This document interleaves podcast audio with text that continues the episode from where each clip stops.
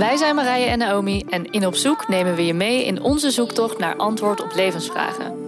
We interviewen experts over vernieuwende en eeuwenoude zienswijzen en hopen hiermee antwoord te krijgen op al onze vragen over gezond en gelukkig zijn.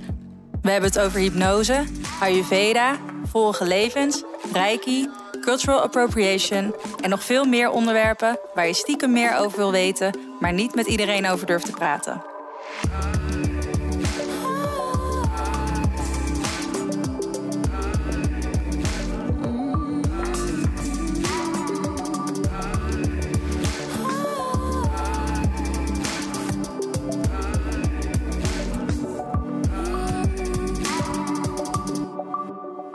Hallo en gelukkig nieuwjaar allemaal. Fijn dat jullie weer zijn om met ons deze nieuwe decade in te gaan.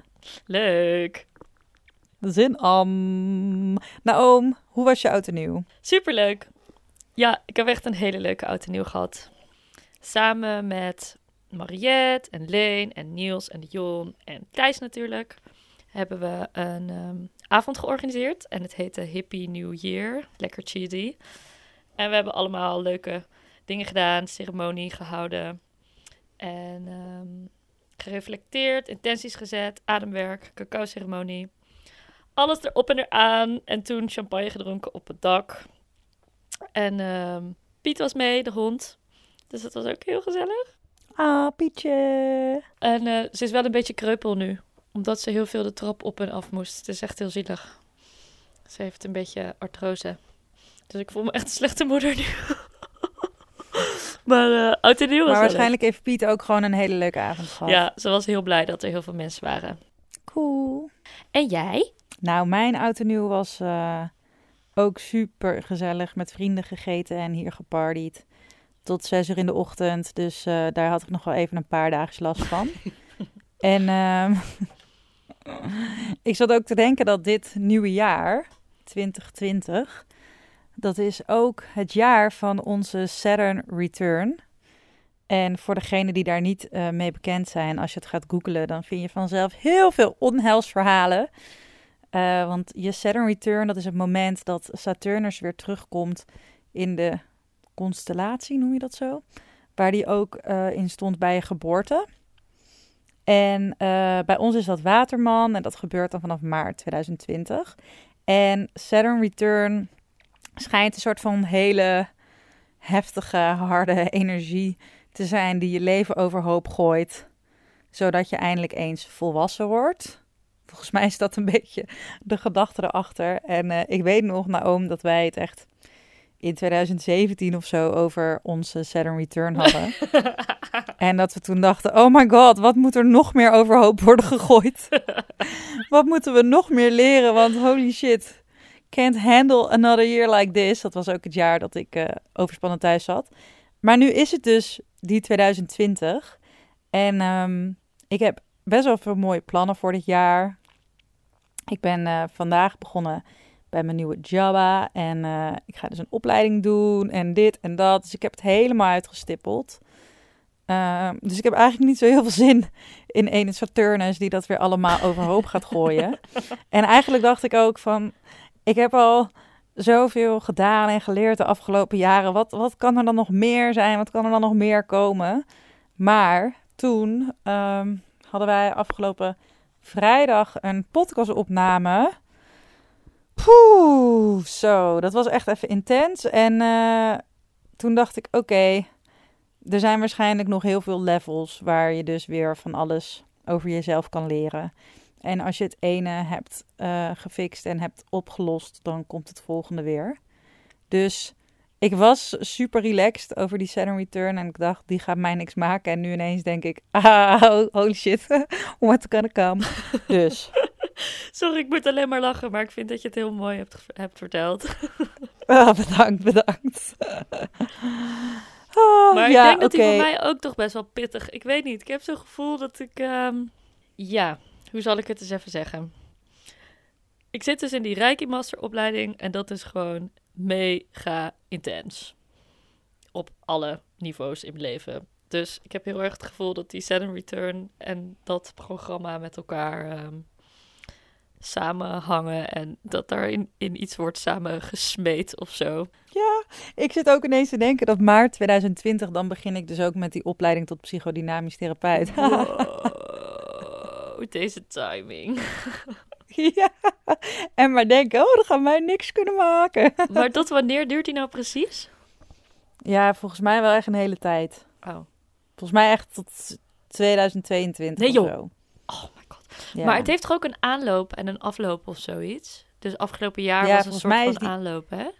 Ja, ja ik, zou me, ik ga me hier nog even verder in eh, verdiepen. Maar we moeten ook sowieso even een astroloog te gast. Dus Ja. ken jij een astroloog? Laat ons alsjeblieft weten, want we willen het heel graag over deze dingen hebben. Ja, wel een hele goede, leuke, ervaren en zo. Een hele goede. Oh. Geen Google-astroloog, want dat ben ik zelf al. Maar zullen we het nog even hebben over ons evenement? Zeker. Ja, wij eh, organiseren ons eerste evenement. Daar hebben we vet veel zin in. Vooral eh, om gewoon jullie te ontmoeten en iedereen samen te brengen. Hela die he- hele ho. Ehm, en eh, het is een maancirkel met een healing ceremonie. En het vindt plaats op zondag 9 februari van half 2 tot half 4 bij Amstelplek in Amsterdam. De kaartjes die zijn 15 euro of meer op basis van donatie. En je kan ze kopen via de link in de show notes. Vandaag hebben we dus een aflevering met Sjors Boulaars over tantra en eh, mindful sex of, conscious lovemaking. Ik vond het echt een heel erg leuk gesprek. De manier waarop dat Sjors vertelt over tantra en hoe dit een manier is van zelfonderzoek. En dat dat eigenlijk op de eerste plaats staat en dat je daarna eventueel dat zelfonderzoek kan uitbreiden ehm, met je relatie of met een andere partner. Nou, ik vond het echt heel erg leuk. En we hebben eh, meteen een nieuwe afspraak gemaakt met Sjors en zijn vriendin om een nieuwe aflevering af te, op te nemen. Dus als jullie vragen hebben na het luisteren van deze aflevering, want ik kan me voorstellen dat het gewoon nieuwe vragen oproept, eh, want we kunnen hier nog eh, twee jaar over praten, dan eh, kunnen jullie die eh, aan ons sturen via DM op Instagram of via ons e-mailadres. Ik vond het ook heel mooi om te zien hoe ehm, eh, Tantra ook laten zien werd in de docu van Lise Korpershoek, Mijn Seks is Stuk. Ja, ja, ik vond het ook heel Op tof een gedaan. Hele zachte, niet. Uh, tantra-seks, mm, manier. Ja, ja heel, ook heel mooi. En ze zei ook eh, aan tafel bij de Wereld Draait Door, heeft ze ook echt gezegd van, ja, die, dat die oefeningen haar heel erg hebben geholpen. Ja, Ja. dus daarin zie je eigenlijk meteen wat de, ja, wat de meerwaarde daarvan kan zijn. Ja, mooie toevoeging. Nou, meidon en jongens, veel plezier.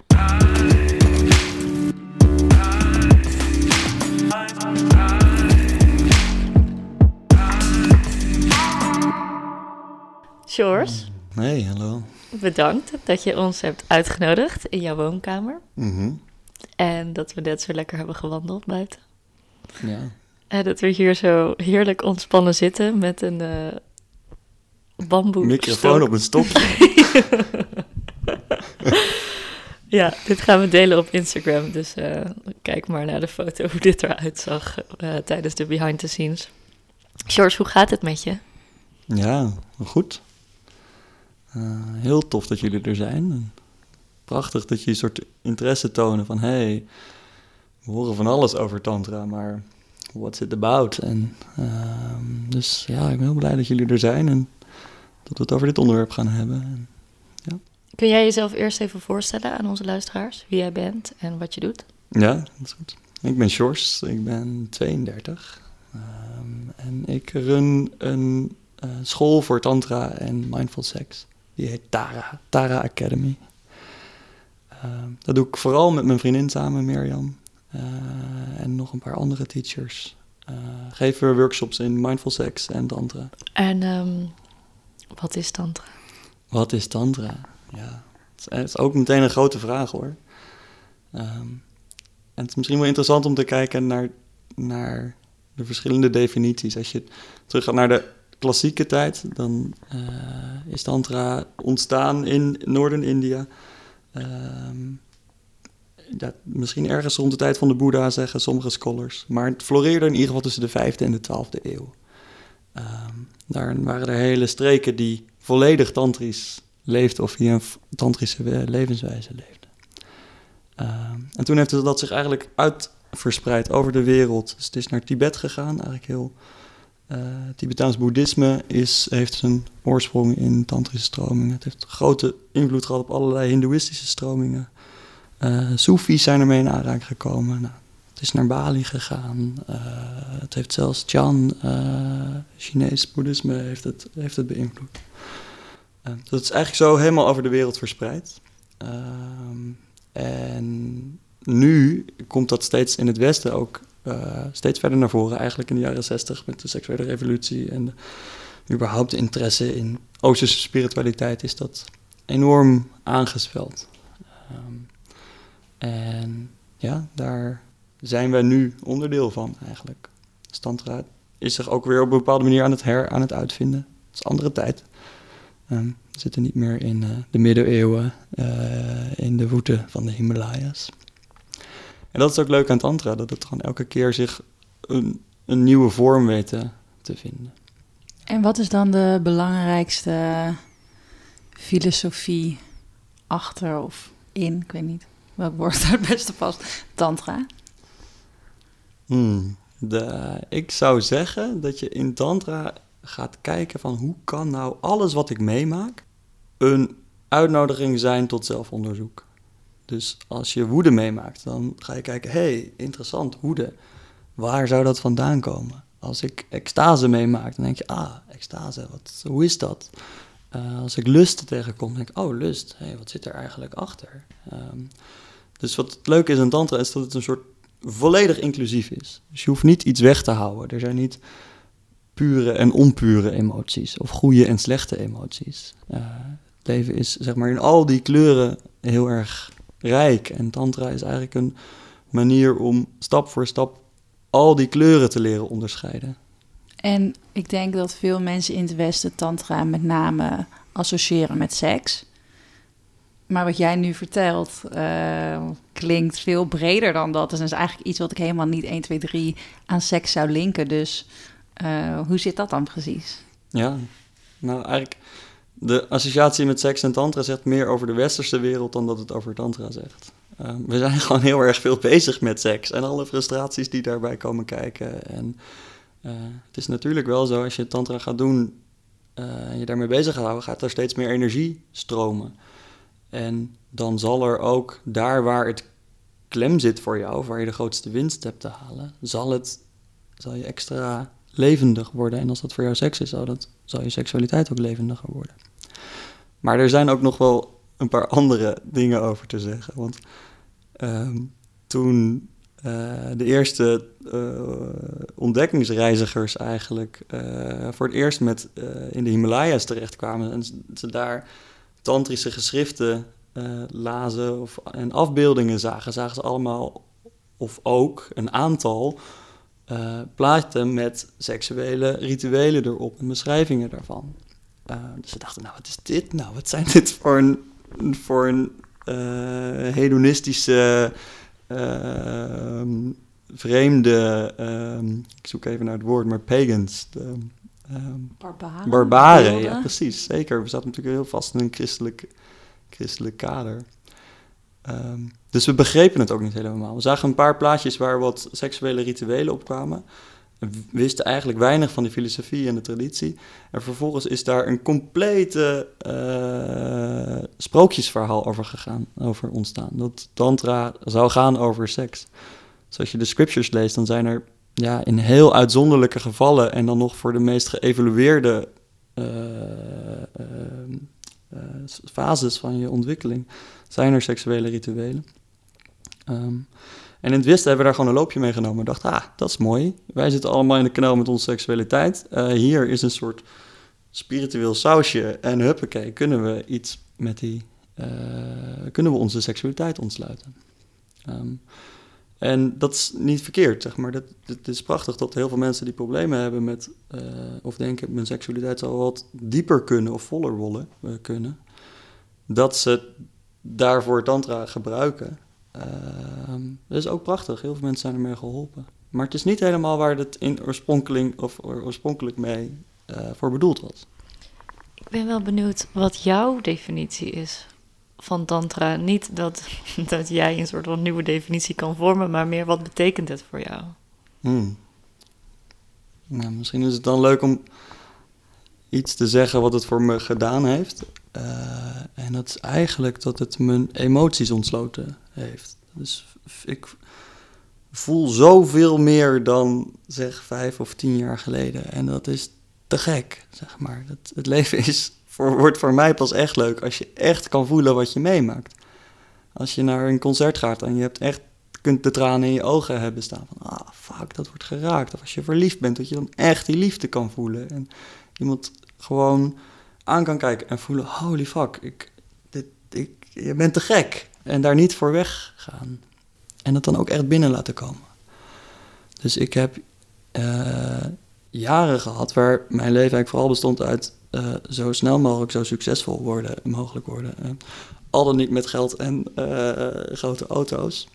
Nou, dat laatste klopt eigenlijk niet helemaal. Ik was wel veel met duurzame dingen bezig, maar het ging om succes en status en macht en, en aanzien. En, en daardoor kreeg ik een soort hele starre, starre manier van leven, waardoor ik eigenlijk steeds minder emoties kon voelen. Dus woede of uh, verdriet, of, maar ook de fijne dingen kwamen dus niet zo binnen.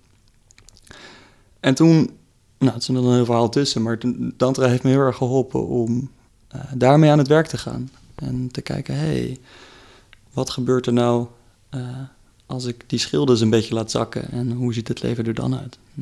En hoe doe je dat dan? Hoe praktiseer je Tantra? Hmm.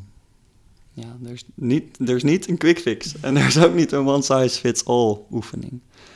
Maar je zou kunnen beginnen met in elke situatie dat je, ook al drink je een kopje thee of uh, je loopt door het bos of je hebt een gesprek of uh, je eens gaat kijken van wat maak ik nou echt mee?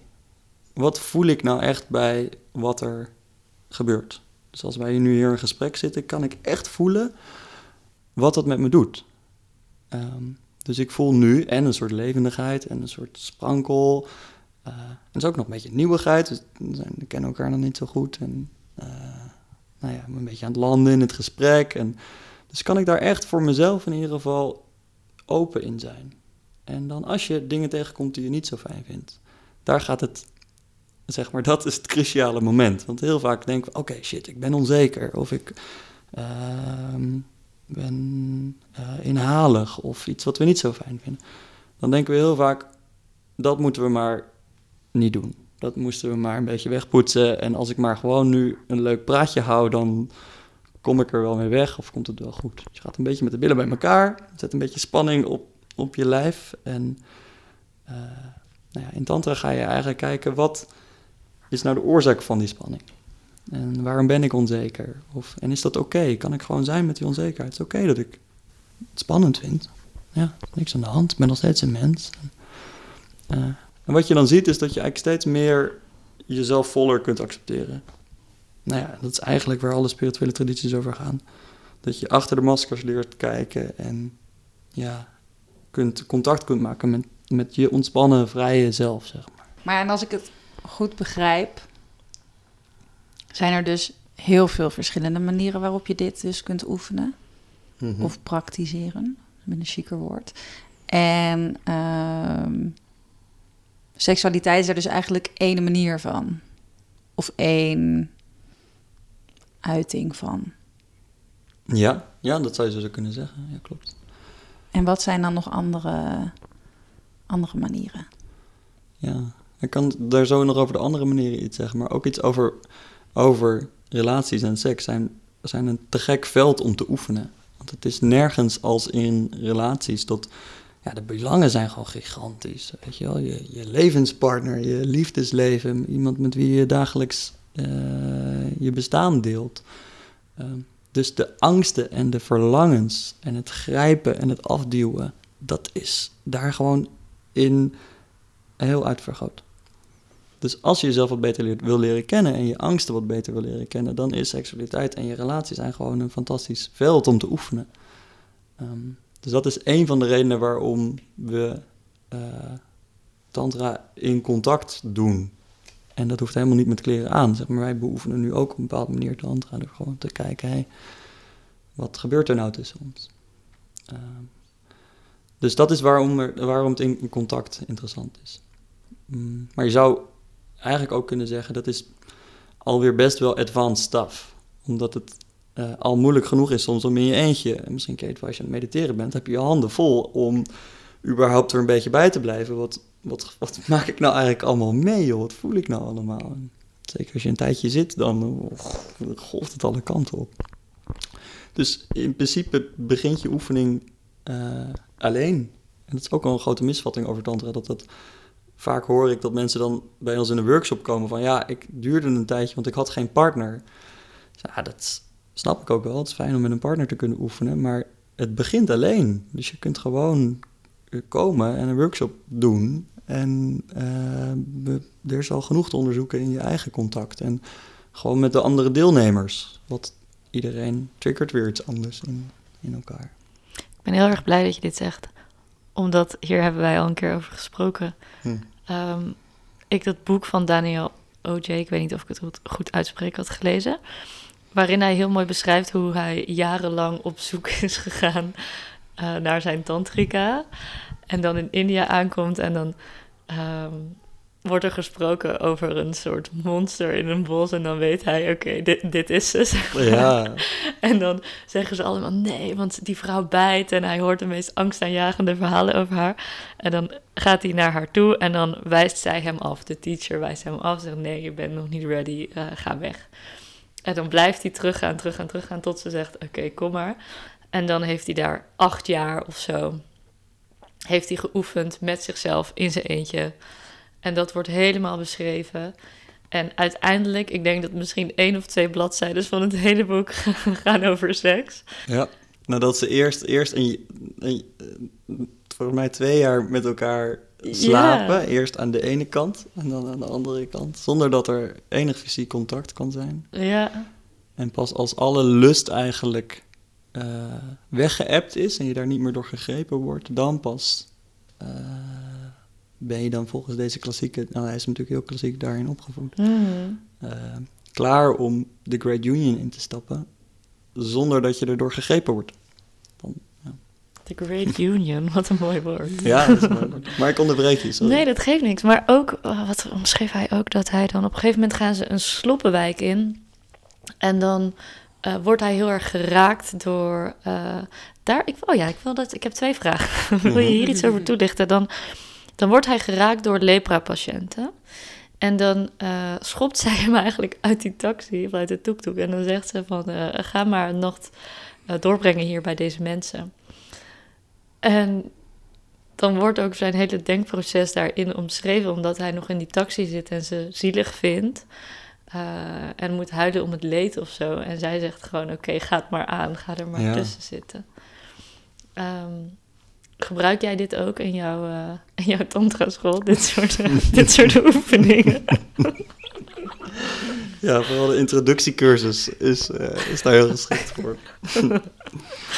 um, nou, in deze extreme vormen niet, maar ergens is dit, dit, deze scène of dit verhaal van Daniel J. is is wel heel tekenend van de manier van uh, teachen in, in Tantra. Dus het, het gaat heel erg over: kun je alles wat er verschijnt in, het, in de wereld als een deel van het goddelijke zien, of als, als representatie van het goddelijke? Kun je het goddelijke in alles zien, dat kun je misschien beter zeggen. Dus het, de prachtige godin uh, of, of prachtige verschijning van een vrouw of een man of een, een prachtig iets eten of is niet per definitie goddelijker of hoger of lager op een of ander laddertje dan een lepra-patiënt. Dus dat is de les die, die OJ daar te leren had. Van oké, hij verwierp ergens nog de lepra-patiënt als uh, iets wat hij buiten zichzelf wilde houden. Ja. En ja, dat zijn heftige, uh, heftige manieren om te. Dat doen we niet. Um, wat we wel doen is is. Nou, laat ik anders beginnen. Want zo extreem hoeft het ook niet. Het is echt ongelooflijk mooi om te zien dat je met extreem simpele oefeningen al hele diepe dingen naar boven ziet komen. Dus als je gewoon twee mensen, als we tegenover elkaar zitten en we delen gewoon wat er in het contact gebeurt, en we doen dat een kwartier, nou, dan komen we echt al heel veel angsten tegen. En, en, en daar kunnen we de rest van de dag over uh, aan besteden om die te onderzoeken. En, um, nou, als dat echt helemaal is uitgedoofd, dan is het misschien eens tijd om naar uh, de sloppenwijken in India te gaan. Dankjewel. Ik ben wel benieuwd uh, wat jullie precies met um, Tara doen. Want je geeft dus workshops en dan komt een retraite aan. Zou je daar wat meer over kunnen vertellen, over wat we ons daarbij voor kunnen stellen? Ja, ja. eigenlijk het, uh, de missie van Tara is om Tantra te ontsluiten en interessant te maken voor een groter publiek. En dan wel op zo'n manier, want het, Tantra is natuurlijk op elke straathoek tegenwoordig te krijgen, maar op zo'n manier dat het iets verder gaat dan zomaar een uh, verkapt uh, seksueel verhaal. Dus we willen de, de klassieke teachings uh, honoreren. Nou ben ik niet een geïnitieerde guru met een baard en heb ik niet tien jaar in een klooster gezeten. Dus daar ben ik echt, dat is ook een proces voor mezelf en voor de leraren mee werken. Maar die intentie is er wel. Um, en daarmee zoeken we een soort middengebied tussen uh, het hele klassieke, wat ook soms weer een beetje onbereikbaar is voor mensen. Want dan moet je ook wel weer door een hele dikke laag stof heen bikken of uh, door heel veel mantra's en wierook heen. Um, of aan de andere kant zijn er meer de seksuele uh, leraren die dus ook voor bepaalde mensen super en te gek zijn. Maar proberen een tussengebied daarin te vinden. En wel zo dat het voor iedereen tof is. En voor mij is, ja, iedereen is on the path, zeg maar, whether they know it or not.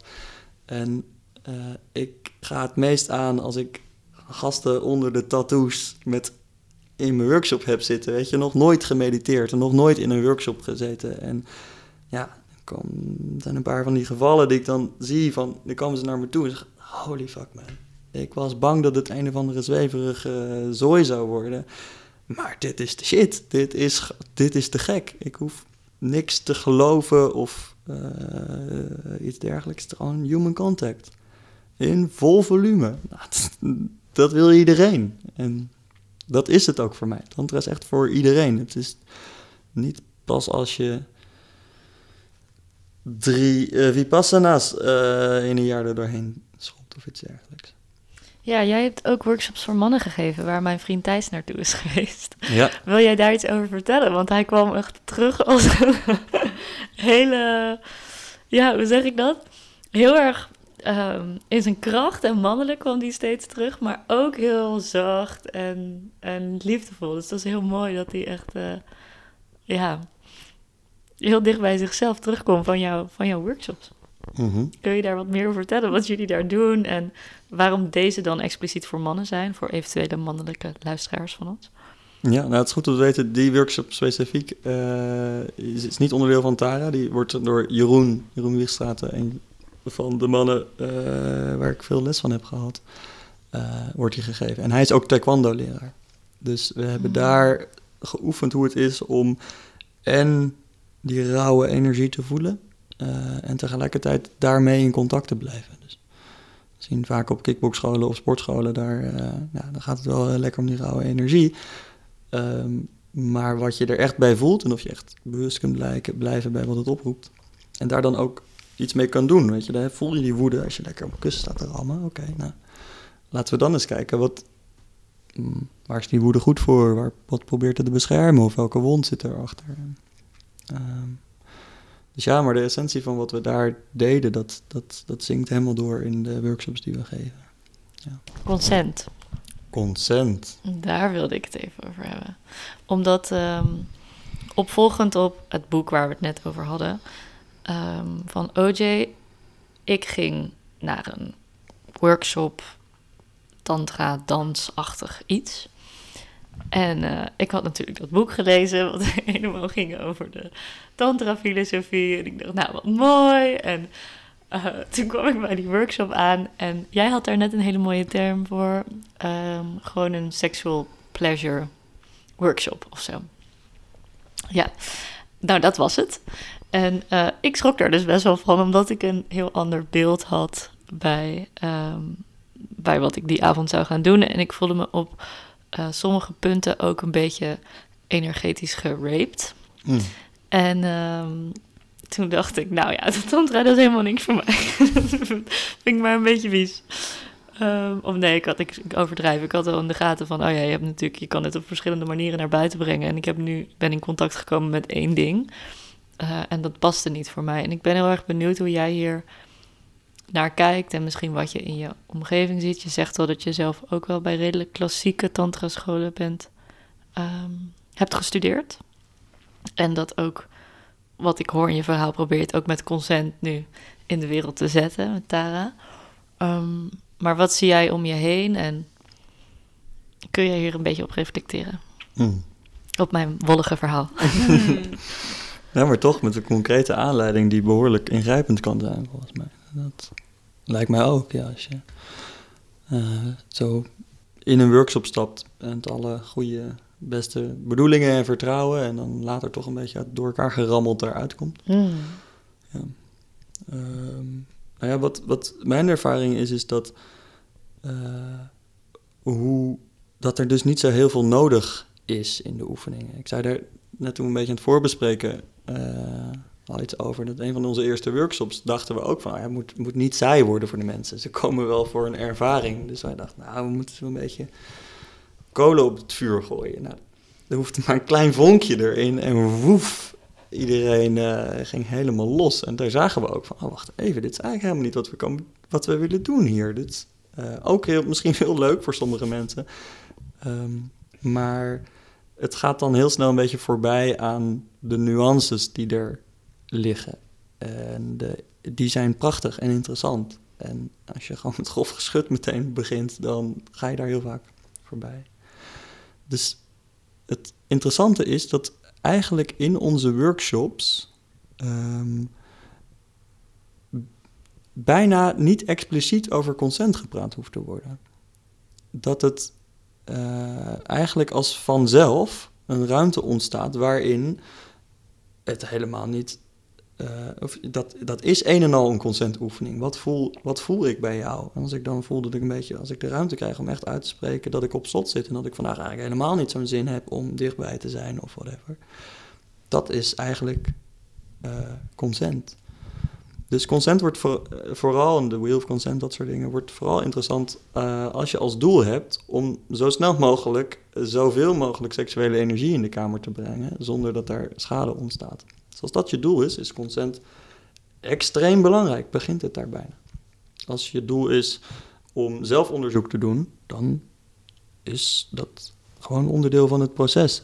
En bij ons is het dus eigenlijk helemaal niet zo'n topic. Dank je. Mooi zeg. Ik ga met een gerust hart uh, naar, naar, je retreat. ja. Fijn. De keren dat ik met tantra in aanraking ben gekomen... via bijvoorbeeld een podcast of een artikel dat ik had gelezen... Gaat, dan was het wel gericht op seks...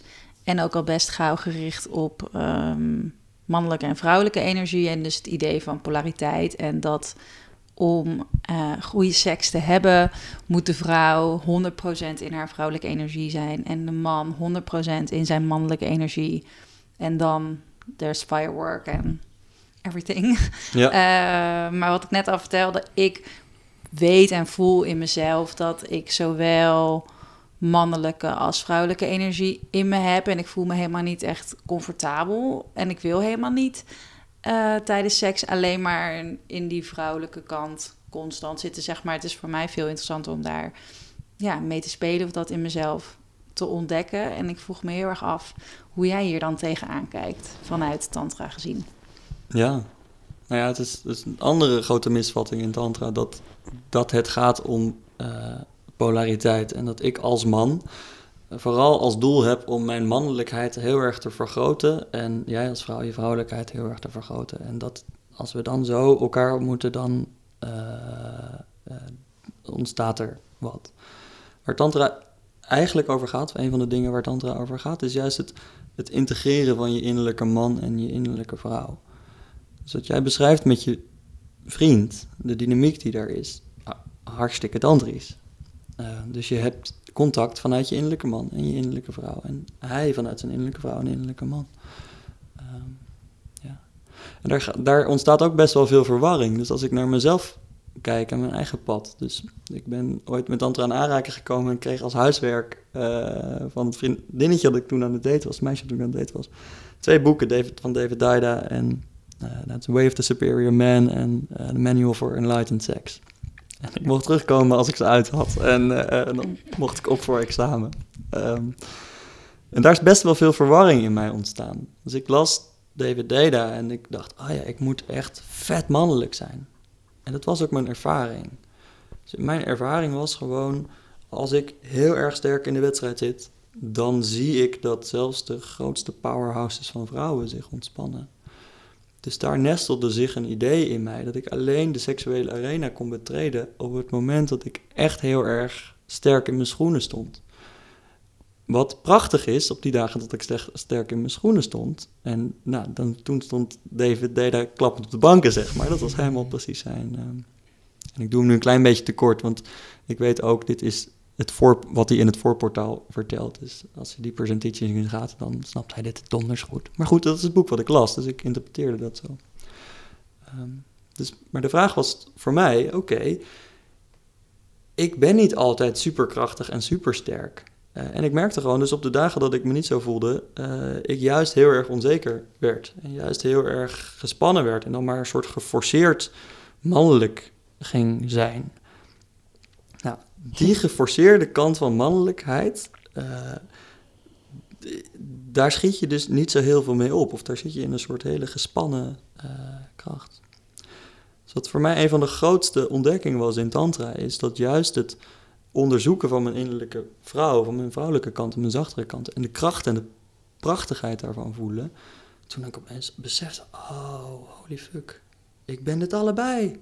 En dat maakt dus ook dat ik niet per se verdwijn als ik niet de krachtige man ben. Dus ik ontspande opeens veel meer in mijn mannelijkheid. En guess what? Daar ontstond een heel nieuwe versie van mezelf. Een soort ontspannen, krachtige, heldere, duidelijke man. In plaats van een hele starre, ja. hele starre macho. En ik kan me voorstellen dat nu in de maatschappij dat dit beeld wat jij omschrijft, um, dat is ook wel het beeld wat we hebben van mannelijkheid. Van eigenlijk hoe stoerder, hoe sterker, hoe beter. Uh, maar ik kan me voorstellen dat daarbij soms echt juist die, die kwetsbaardere kant of die kant van overgave, zeg maar die meer vrouwelijke kant, dat die een beetje wordt verloren en dat dat ja, veel meer kwaad eigenlijk dan, dan goed doet. Ja, ik ben dat met je eens. Um, en tegelijkertijd is er, uh, brengt het onderzoek naar die mannelijke kant mij ook heel veel. Dus ik vind het heerlijk om met gasten het bos in te gaan. En dan allemaal stoere mannen dingen. Uh, want dat ben ik ook. Ik ben ook die man. Um, maar het is niet het enige wat ik ben. En het is ook niet mijn voorwaardelijk, zeg maar, om een intiem contact in te gaan. Ja, mooi. Het is misschien een beetje wat, wat je beschrijft over hoe je vriend terugkwam van die workshop. Dat we daar ook die beide kanten onderzoeken. Uh, en daarin een soort ontspanning blijkbaar te vinden was. Ja, zeker. Ik vond het heel mooi om te zien dat hij echt, uh, echt in zijn kracht stond en inderdaad in, in beide energieën in zichzelf. Dat is heel, uh, heel mooi. In een middag. Ja. ja. Kun je nagaan als jullie op dat retreat zijn geweest zometeen. en ik had nog wel een vraag over... Um, ik zei net in het voorgesprek al dat ik het vervelend vond aan David Dijder... dat hij zijn uh, boek voor vrouwen zo anders uh, heeft beschreven dan het boek voor mannen, zijn Tone of Voice. Weet jij daar iets meer over, over als je dieper in de teachings gaat, waarom hij dat dan doet? Omdat je net aangaf van, ik, doe hem tekort dieper in zijn teachings begrijpt hij dat heel goed. Hoe, hoe is dat op het vrouwelijke stuk? Dat weet ik eigenlijk niet zo goed. Ik heb zijn boek voor vrouwen bijvoorbeeld niet gelezen. Mm dus daar weet ik, zou ik niet zoveel kunnen zeggen, denk ik. Ja. Want hoe, hoe, het, hoe ervaar je dat dan zelf? Wat mij wat raakte... Vond je daar, wat vond je daar vervelend aan? Is dat hij dat heel erg uh, beschreef van ja, als vrouw... Um, nou ja, ga je natuurlijk heel erg. is- Yin is onze aard, dus als vrouw moest, je- moest je maar gewoon yin zijn. En de man op je af laten komen. En eh, je mocht vooral niks initiëren of eh, laten merken, überhaupt, die naar iemand kijkt. er is een passage in zijn boek van: eh, je gaat gewoon in een café zitten en dan wacht je gewoon wat er op je afkomt. En dan zeg je ja of nee, of wat je op dat moment voelt. Ehm, wat ik wel heel mooi vond aan zijn boek is dat het ging over het zacht maken van je buik. En daar warmte en liefde, een liefdevolle relatie mee opbouwen. Dat vond ik wel heel erg mooi. Maar de manier waarop hij dat dan beschreef, dat ik, ja, dit hoeft niet met zoveel. ehm, ja, het- hoe, hoe zeg je dat? Fluwelen handschoentjes. Hmm. Het was een beetje poezelig. Poezelig, ja, dat is het woord wat ik zocht. Ja, heel erg poezelig. Dat trok ik heel erg slecht. ja, Ja, dat snap ik. kan, je kan, ik heb ook een mannelijke energie in mij die het gewoon ook wel fijn vindt om een beetje direct aangesproken te worden. Ja. Nou ja, en toch is dit wel een heel interessant thema, hè? want het is ehm, eh, zowel voor mannen als voor vrouwen zo makkelijk nog niet om in die vrouwelijkheid echt te stappen. En dat is ook niet zo gek, want onze hele maatschappij is gewoon een fucking mannelijke maatschappij, weet je. It pays off to be a bully en je moet gewoon hard zijn en ellebogen erin en doorbeuken. En, ehm, dus dat snap ik heel goed, dat is voor iedereen, voor en mannen en vrouwen, eh, lastig om echt in die overgave te gaan. Eh, het wordt heel vaak als, eh, als, als de inferieure positie gezien. Ehm, dus dat, ik weet niet precies of je dat, of je dat herkent, maar voor mij is dat in ieder geval doodeng om in echte overgave te gaan. Dan denk ik, ja, wat, wat komt er dan nog van me terecht in godsnaam? Word ik wel echt goed eh, behandeld dan? Ehm, ja, wordt er echt goed voor me gezorgd? En, en, en gaat het dan niet helemaal mis? Dus mijn hele patroon is eigenlijk ges- gaat tegen overgave. En eh, dat herken ik in mezelf en bij heel veel vrouwen. Dus daar zitten we eigenlijk gewoon in hetzelfde schuitje. Hmm. Ja, dat herken ik wel. Ja, ik ook echt mega. En ook heel veel om me heen. Want Ja. juist, zeg maar, die overgave heeft gewoon heel veel te maken met vertrouwen. Ja, Maar ja, dat is nogal wat vertrouwen. ja, En al helemaal als je bijvoorbeeld, ehm, het hoeft helemaal niet eens per se, maar als je een keer een negatieve ervaring hebt gehad of zo, weet je wel, kom dan nog maar een keer in die overgave. ja. Zou je daar misschien wat over kunnen vertellen? Tips voor mensen die zich hierin herkennen? Over hoe in overgave Ja. te komen. Ja.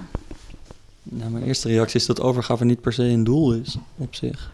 Dus het is meer een gevolg van als er een fijne verbinding is en er is eh, heel veel vertrouwen en je staat jezelf toe om eens een soort open nieuwsgierigheid te brengen van hé, hey, eh, het is wel een vraag die je zelf zou kunnen stellen van is er ergens iets, dit doen we overigens ook in oefeningen, iets waar ik het contact uit de weg ga? Of echte intimiteit uit de weg gaan. Dus waar hou ik nog een beetje een randje, handje aan de rand van het zwembad, zeg maar. Eh, dat zou je ook met overgave kunnen doen. Is er iets eh, wat volledige overgave in de weg staat, waar ik nog een beetje grip op de zaak probeer te houden? En dan is onze manier van werken heel erg om dan datgene wat je daarin vindt, bijvoorbeeld angst om eh, nou, niet, aan, niet gerespecteerd te worden bijvoorbeeld. Of nooit meer uit die positie te komen, dat je nooit meer bij je mannelijke kant kan. Ehm, als je dat dan vindt, om dat, om dat dan niet kwaad te maken, dat is niet verkeerd. Je hebt gewoon daar, je hebt een fase gehad in je leven en dan was het gewoon nodig dat je dat masker hebt gehad. Eh, dus je gaat, gebruikt dan eigenlijk het onderzoek naar overgave om jezelf iets beter te leren kennen. En jezelf iets meer lief te hebben met de krassen en de kreukels die je daar dan tegenkomt. Ehm, en wat je ziet is dat als je dat dan een tijdje doet, en je doet dat heel met liefdevolle ruimte en met een partner waar dat ook bij kan, dan groeit zo'n overgave als vanzelf. Ehm, en als het er dan is, geniet je ervan. En als het dan weer wegtrekt, dan trekt het ook gewoon weer weg. Ehm, Ja. Dus wat daarvoor eigenlijk aan de basis ligt, is dat je met je partner gewoon mega open en eerlijk kan communiceren over wat er op dat moment gebeurt. Of denk je dat, het ook al, dat je dat ook al in jezelf kan doen? Ja, je kunt, je kunt dit onderzoek in jezelf beginnen. Dus je, kunt, je hebt een oefening, een, een schrijf-inquiry, waar je gewoon een, je het belletje zet en een kwartier lang non-stop gaat schrijven alles wat er in je naar boven komt over het over- onderwerp overgave. En het leuke van iets zo opschrijven is dat je niet het kan wegmoffelen. Wat bij mediteren, bij mij tenminste, ook wel gebeurt. Als er dan iets, iets naar boven komt wat ik niet zoveel zin in heb, dan schuif ik het toch een klein beetje onder het tapijt. En Zo'n schrijfinquiry zou dus een leuke start zijn om in jezelf daar eens in onderzoek te gaan. Kun je wat vertellen over je eigen relatie? Ik ben gewoon wel benieuwd. Ja, Hoe- wat wil je daarover weten? Nou ja, hoe jullie, eh, hoe jullie je relatie vormgeven. In, ehm, in welke mate van openheid? Of zijn jullie monogaam? Of hebben jullie regels? Of ik ben gewoon heel benieuwd wat voor eh, de open relatie begint een beetje hip te worden. Ik was ehm, twee weken geleden op een ehm, evenement van Wicked Thoughts. En toen vertelde een meisje, die zei ja... Ik kom zoveel mannen tegen en eh open relatie is haast een voorwaarde, zei zij. Hmm. En toen dacht ik, wow, ik ben, zit zelf in een relatie, dus ik krijg dit helemaal niet mee, deze dating scene op dit moment. Hmm. Maar ik ben gewoon heel nieuwsgierig als ik naar jou luister en omdat je samenwerkt met je vriendin. Ehm, ja, of je daar iets over wil vertellen. Ja. ja. Nou, leuk. Leuke vraag. En, en het is ook best nieuw voor me dat open relaties een, een trend begint te worden. Ja, toch? Ja. Ja. Ehm, ja, ik denk het, het fijn is om iets te zeggen is over waarom wij bij elkaar zijn. En met welk doel we bij elkaar zijn.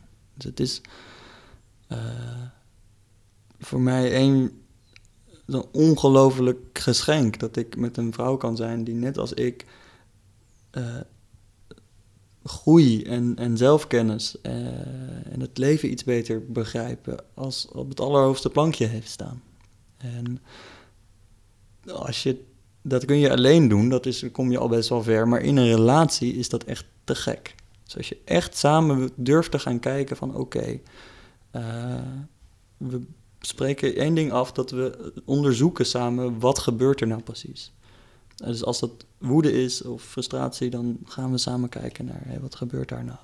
Ehm, en die openheid en dat samen zoeken, dat is, dat is voor mij het, het meest vervullende wat ik nu kan ver- verzinnen in het leven eigenlijk. Dus dat dan samen te kunnen doen is te gek. Ehm, nou, dat over, over onze relatie en dan je vraag over openheid. Wij zijn in- monogaam. Ehm, en er is nog een heel onderzoek over wat dan precies monogamie is. En wat dat eh, met elkaar doet. Dus het is voor ons niet zozeer een doel om open of, of niet open te zijn. Het is meer, hey, als we zo ons leven leven, wat komen we dan tegen? Dus ik heb verlangens links en rechts, jazeker. Weet je, als ik over straat loop, ik ben, ik ben een seksueel wezen, dus er poppen van allerlei eh, gevoelens op. En zeker als je in dit veld omgeeft, je komt met allemaal heel open, open mensen in contact. Dus er zal vrij snel een, eh, een uitwisseling die ik voor een heel groot gedeelte van mijn leven seksueel beschrijf. Ehm, zou beschrijven. En misschien beschrijf ik die nog steeds wel seksueel. Dus er stroomt, er stroomt vrij snel iets. Ehm, de vraag is wat je ermee doet. Ehm, dus dat is elke keer nu een onderzoek in mij. Van hey, hoe kan ik en helemaal laten binnenvallen hoe een contact is. En kan ik dan ook heel precies voelen van hé, hey, als ik lust voel opkomen, waar komt die lust vandaan? En is het vandaag een dag dat ik eens een beetje zo de teugels wil laten vieren en wat met die lust mee wil gaan en eh, intiem wil zijn? Of eh, nou, we hebben ook wel een soort hard boundaries. Ehm, eh, maar wat je zult zien is dat soms een ontmoeting op een meter afstand ongelooflijk intens kan zijn en, en intiem. En dat dat eigenlijk, nou ja, vorige week nog kwam ik terug van zo'n ontmoeting en was ik toch behoorlijk door elkaar gehusseld. Terwijl er fysiek niet zo heel veel gebeurd eh, is. En dan is het in onze relatie, dan gaan we kijken, hé, hey, wacht, kijk, kijk mij nou. Ik, ben, ik heb me totaal laten meesleuren door lust, want er werd gewoon een oude wond getriggerd. En ik dacht, nou, eh, ga ik ervoor, zoiets. Terwijl er fysiek niks gebeurde, maar energetisch gebeurde dat wel.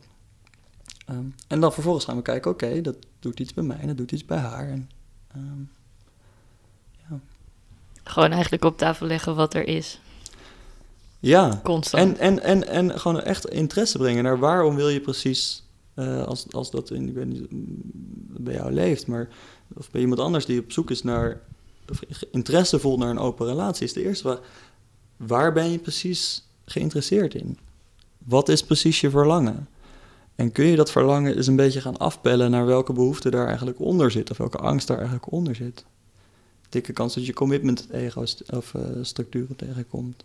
Eh, dikke kans dat je eh, eigenlijk gewoon in een lustpatroon zit. En nou is er niks kwaad met lust. Het is alleen de vraag of je daar vol je leven naar wil richten.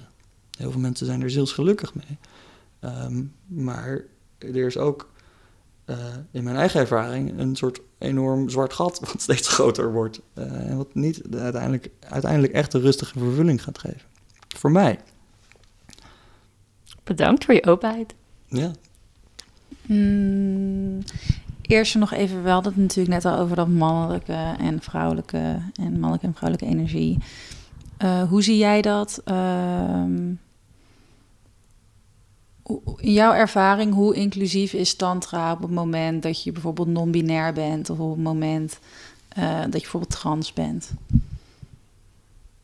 Heb je daar ervaringen mee? Of? Ehm, ik zou zeggen dat het helemaal niks uitmaakt. Je bedoelt het gewoon de fysieke verschijning van een transgender of dat invloed heeft op de. Ja, of iemand die zich, ja, die zich dus niet, die zich dus meer man voelt, of iemand die zich meer vrouw voelt, zeg maar. Hoe, ja, hoe inclusief is dan de tantra zien? Ik kan me voorstellen namelijk dat in de teachings, ehm, dat dat in principe heel inclusief is. Maar ik vraag me gewoon af ehm, hoe inclusief dan de workshops zijn of de retraites of weet je wel? Ja, nou ja, het, het, het gaat dus niet zozeer over of ik nou in een fysiek mannenlijf of een vrouwelijk lijf of een transgender lijf zit. Het gaat erom wat er bij mij van binnen gebeurt. En in al van deze smaken zit een innerlijke man en een innerlijke vrouw.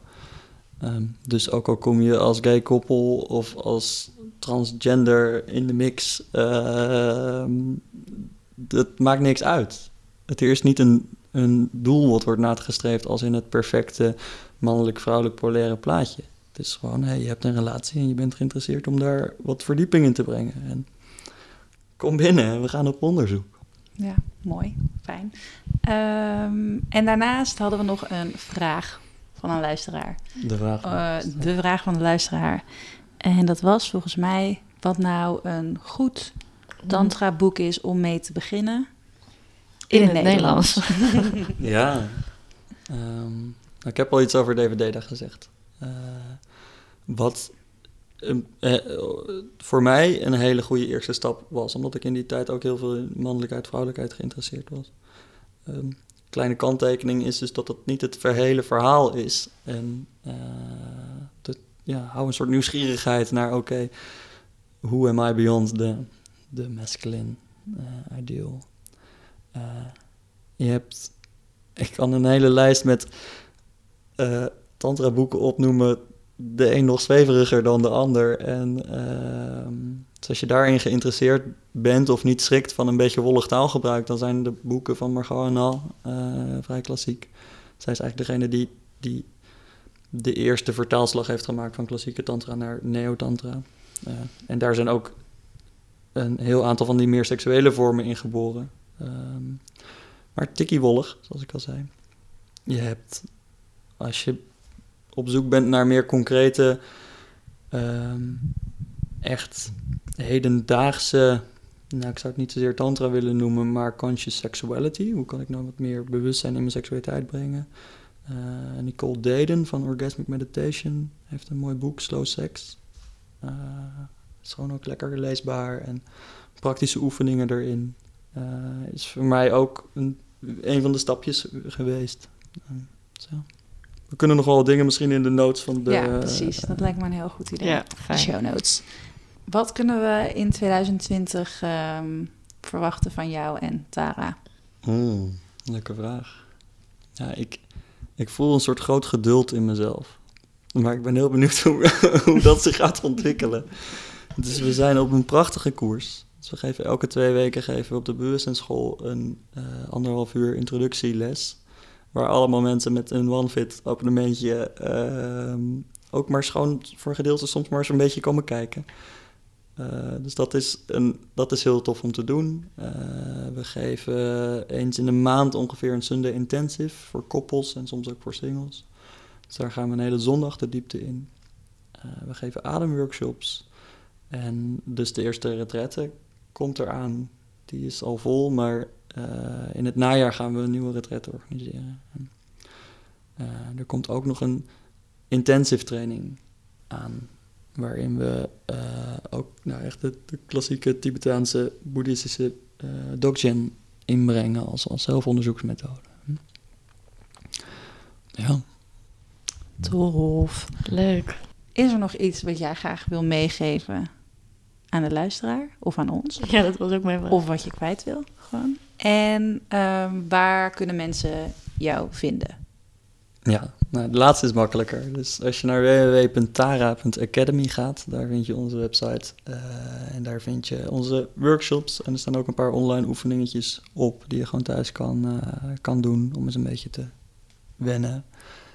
Um, dat voor online. Op social vind je onze events, maar dat, uh, dat vinden jullie wel. En wat ik nog mee wil geven is. Ja, blijf nieuwsgierig naar als je een soort helder doel voor jezelf voelt. Van ik wil uh, dit en dit bereiken met Tantra. Dikke kans dat je dan dus ergens in een vast kadertje zit. Dus breng dat zo'n nieuwsgierigheid erbij. Waar komt mijn lust vandaan? Waar zitten mijn angsten? Um, en een soort vriendelijk onderzoek daarnaar. En dan ja, ontvouwt het zich verder van daar wel. Dankjewel. Heel erg bedankt voor dit gesprek. Ja, jullie bedankt. Heel leuk.